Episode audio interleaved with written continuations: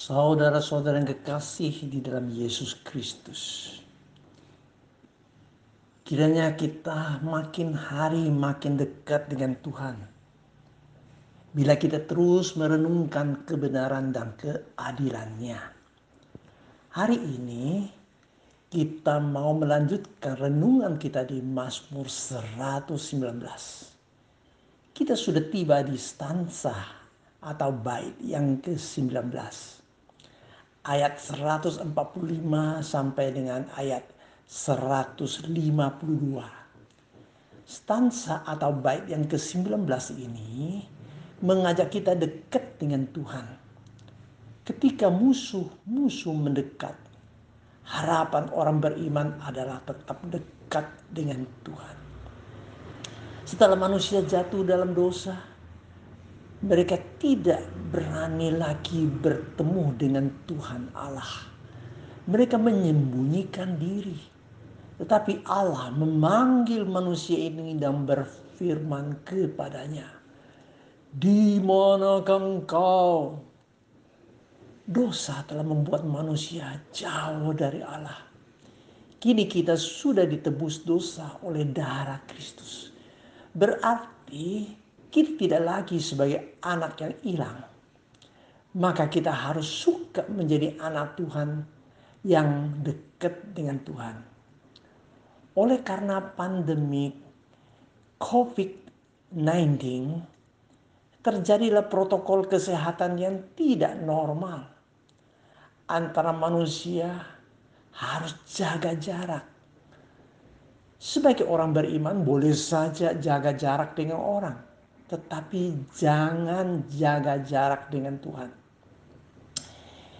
Inilah tema kita hari ini ketika terjadi jaga jarak dengan orang, jangan ada jarak dengan Tuhan.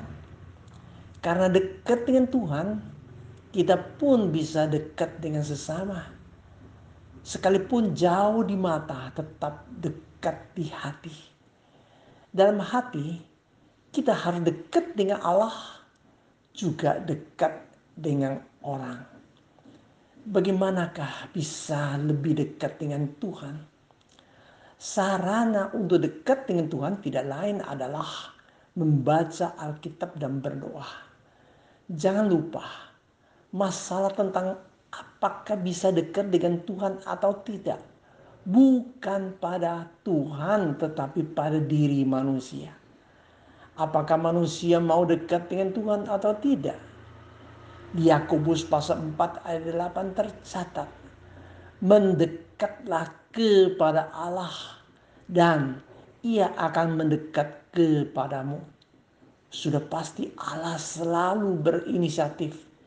Allah terlebih dahulu mengasihi kita sehingga kita mau dan bisa mengasihi dan mendekatkan diri kepada Tuhan. Pemasmur berdoa yang pertama Aku berseru dengan segenap hati. Bukan separuh hati, tetapi seantero hati. Dengan bergairah penuh menaikkan doa. Yang kedua, di ayatnya 146. Aku berseru kepadamu. Arahkan hati hanya kepada Tuhan. Alamat doa harus tepat Kata Tuhan Yesus si orang Farisi berdoa supaya orang lain yang dengar. Bukan berdoa kepada Tuhan. Bila berdoa dalam hatinya, orang Farisi hanya berkata untuk dirinya sendiri belaka. Kita harus dengan terendah hati berseru kepada Tuhan. Yang ketiga, di ayat 147. Pagi-pagi buta aku bangun dan berteriak minta tolong. Tuhan Yesus sendiri telah menerapkan ayat ini di Markus pasal 1 ayat 35 tercatat. Pagi-pagi benar, waktu hari masih gelap, Yesus bangun dan pergi keluar. Ia pergi ke tempat yang sunyi dan berdoa di sana. waktu yang terbaik adalah pagi hari. Kita sebagai sesama bisa saling mengucapkan selamat pagi adalah hal yang sangat indah.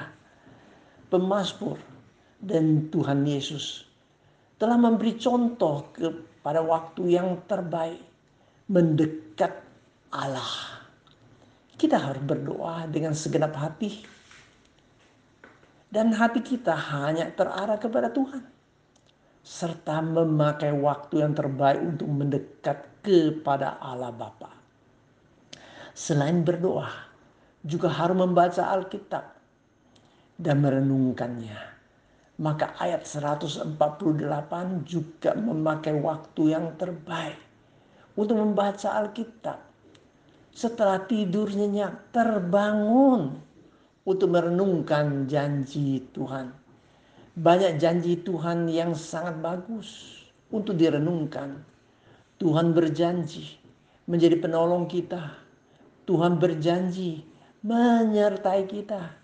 Tuhan berjanji tetap mengasihi kita dan sebagainya. Pada waktu itu pemazmur menghadapi banyak masalah berat. Situasi kondisinya sangat buruk dan ada ancaman yang sangat mencemaskan. Namun pemazmur masih bisa tidur nyenyak karena berserah sepenuhnya kepada Tuhan. Ketika tengah malam terbangun, pikirannya tidak menjadi kacau, tetapi terfokus untuk merenungkan janji Tuhan dan kasih Tuhan. Doa di ayat 151 sangat indah. Engkau dekat ya Tuhan. Dan segala perintahmu adalah benar. Padahal di ayat sebelumnya ada ancaman dan bahaya yang mendekat. Paling penting saudara-saudara, dekat dengan Tuhan. Ini sudah terbukti paling ampuh menolak ketakutan dan kekhawatiran. Maka marilah kita berdoa. Engkau dekat ya Tuhan. Amin.